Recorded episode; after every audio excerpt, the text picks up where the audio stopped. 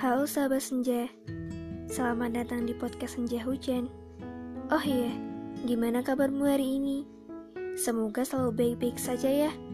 Jangan lupa untuk selalu tersenyum. Pokoknya jangan bosan deh buat dengerin suara aku. Selamat mendengarkan.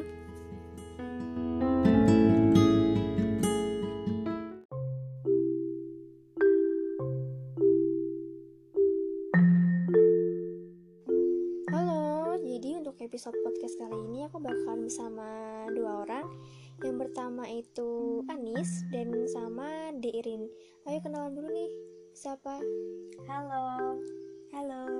Nah, udah pada denger kan suaranya. Jadi di sini aku bakalan bahas sama mereka tentang masa remaja.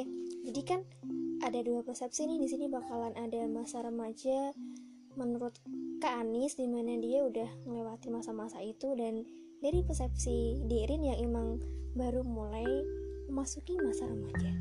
Dan kali ini ini aku bakal nanya sama Dirin dulu. eh, menurut kamu masa remaja tuh bagi kamu tuh gimana sih? Bagi aku masa remaja itu masa yang sangat sulit ya kak.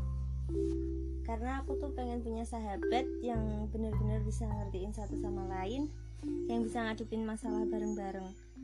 Tapi sampai sekarang pun belum punya sahabat yang seperti itu. Dan usaha kamu buat nyari sosok sahabat yang seperti itu gimana? Ya mulai deket sama temen, terus main bareng. Tapi mereka nggak bisa ngertiin. belum bisa ngertiin satu sama yang lain suka mendingin ego sendiri Hmm.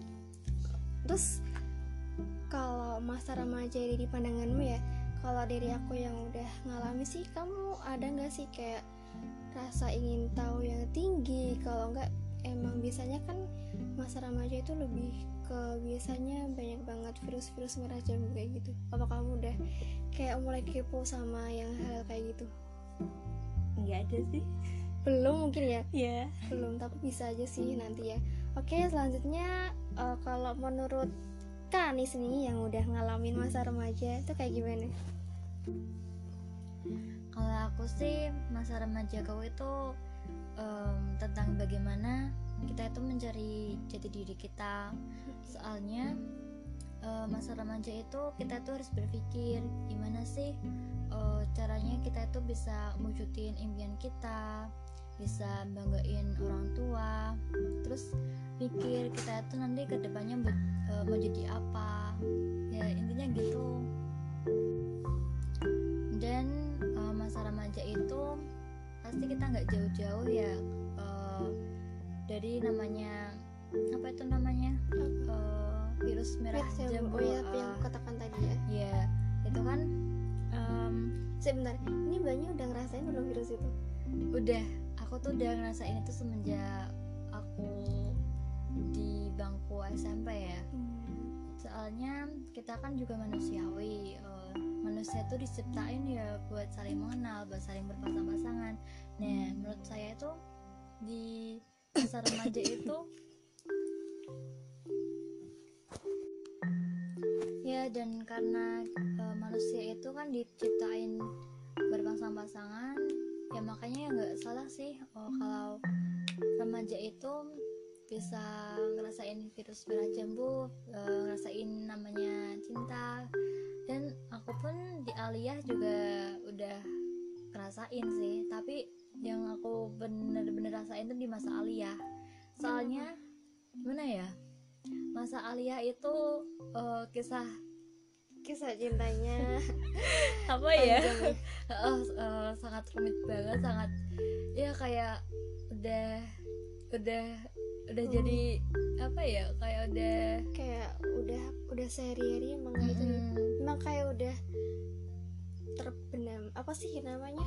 Eh, tertanam lah oh tertanam oh ya tertanam dalam hati. Kayak udah keseharian tuh tentang kayak gitu. Iya kayak udah masuk kayak ke ranah itu Pas- loh apa Heeh. namanya itu? berarti kamu udah bener-bener ngerasain eh, banget rasain tentang banget namanya itu virus merah jambu Terus itu. kalau tentang saya jati diri itu gimana? Kalau jati diri kalau menurutku sih em, kita kan eh, aku kan di kan uh, di kelas 12 itu kan mikir buat jadi apa atau mikir apa Iya jadi diri tadi. Jadi diri gimana? Hmm, kalau jadi diri ya aku um, apa tentang jati diri yang kayak ya bisa juga bisa juga kayak kamu ngasah skill buat jadi diri kamu sendiri buat ngembangin diri kamu tuh kayak gimana gitu kan? Kan kamu yang udah pengalaman bisa buat kasih pandangan buat dekerin yang nanti bakal masuk masa-masa kayak gitu oh iya iya. Kalau aku sih um, di masa remaja buat nyari jati diri itu lewat uh, beberapa skill tadi ya. Misalnya dengan ikut uh, beberapa ekstrakurikuler.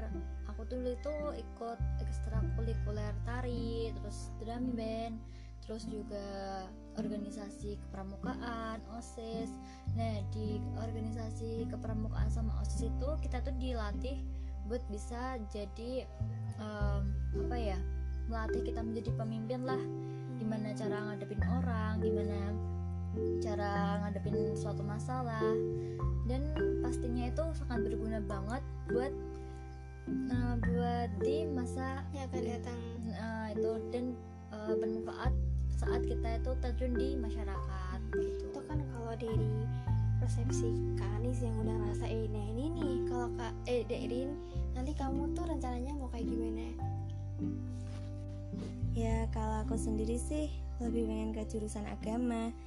Karena aku itu kan sering ikut pengajian terus salawatan gitu dan juga hafalan Al-Quran karena itu aku pengen nantinya kalau di aliyah ngambil jurusannya di agama hmm, baik banget uh, apa ya bagus sih apa yang kamu inginkan itu ya semoga bakalan tercapai lah kalau mau ngambil jurusan itu yeah. oh ya oh ya Kanis cerita dong sedikit tentang masa-masa remaja kan biar buat sharing-sharing sekalian bisa perbaiki pengetahuan, yeah, berbagi cerita bener. sama dirinya ya bisa yeah. ya pengalaman gitu nantinya. Tahu oh jadi selama masa aliyah kan itu kan ya aliyah juga sih. Jadi kayak semasa kita SMP SMA itu tuh udah masih termasuk masa remaja sih. Jadi Kanisnya bisa sharing pengalamannya. Jadi biar ada pandangan gitu kan sama dirinya gitu. Ayo kak.